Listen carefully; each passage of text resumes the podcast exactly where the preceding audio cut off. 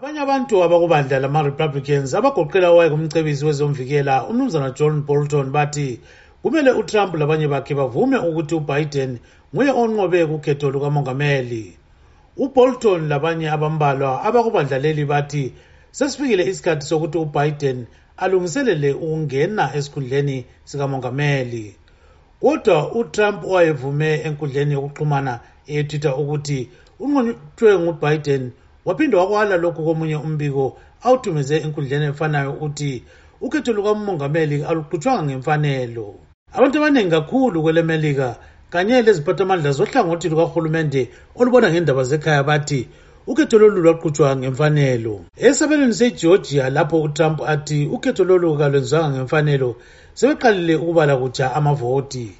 Umabhalane omkhulu wesabelo lesi umnumzana brad raffensperger uthi lokhu kwenzelwa ukuthi umuntu wonke asuthiseke ngokhetho lolu. With the margin being so close it will require a full by hand recount in each county. This will help build confidence. It will be an audit a recount and a recanvass all at once. Utrump wethule omunye njalo umbiko enkundleni yetwitter emadabuka kusanamuhla esithi wanqoba kukhetho lolu. Abakubandla lamademocrats bathi uyazikhulumela umongameli obhuqwe ngubiden kukhetho lukamongameli. Isizalwane sezimbabwe umnumzana simayedwa ndlovu uthi kuyethusa okwenzakala emelika.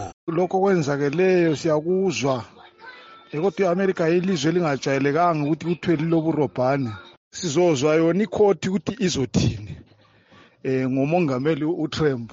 Umnumzana nkululeko majazi uyakusekela lokhu. Utrump nxa elobufakazi kabuproduce phela emadali nxa engelabo kayekile njengabotwankirayo kulabanye abathi utrump wesaba ukuthi uzabonakala njengomuntu owehluleke ubusa nxa engavuma ukuthi unqotshiwe kukhetho lukamongameli. Umnumzana sikhumbuzo moyo ngomunye wabalombonolo. Uhlelo lwa lwamavoti asemelika ngilubona lona luhambe kahle sibili.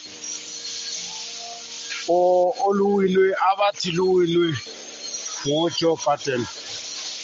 Udonald trump ngokubona kwami mina angazi njalo uma ezoyiwina idaba lwakhe lolo aluhambise emthethwandaba. Yena udonald trump okwenze wabusa i-one term usuke wasebenzisa waphuma ezinqumweni zabantu akade bemkhethele zona bemthembele zona ukuthi uzaba wenzela zona.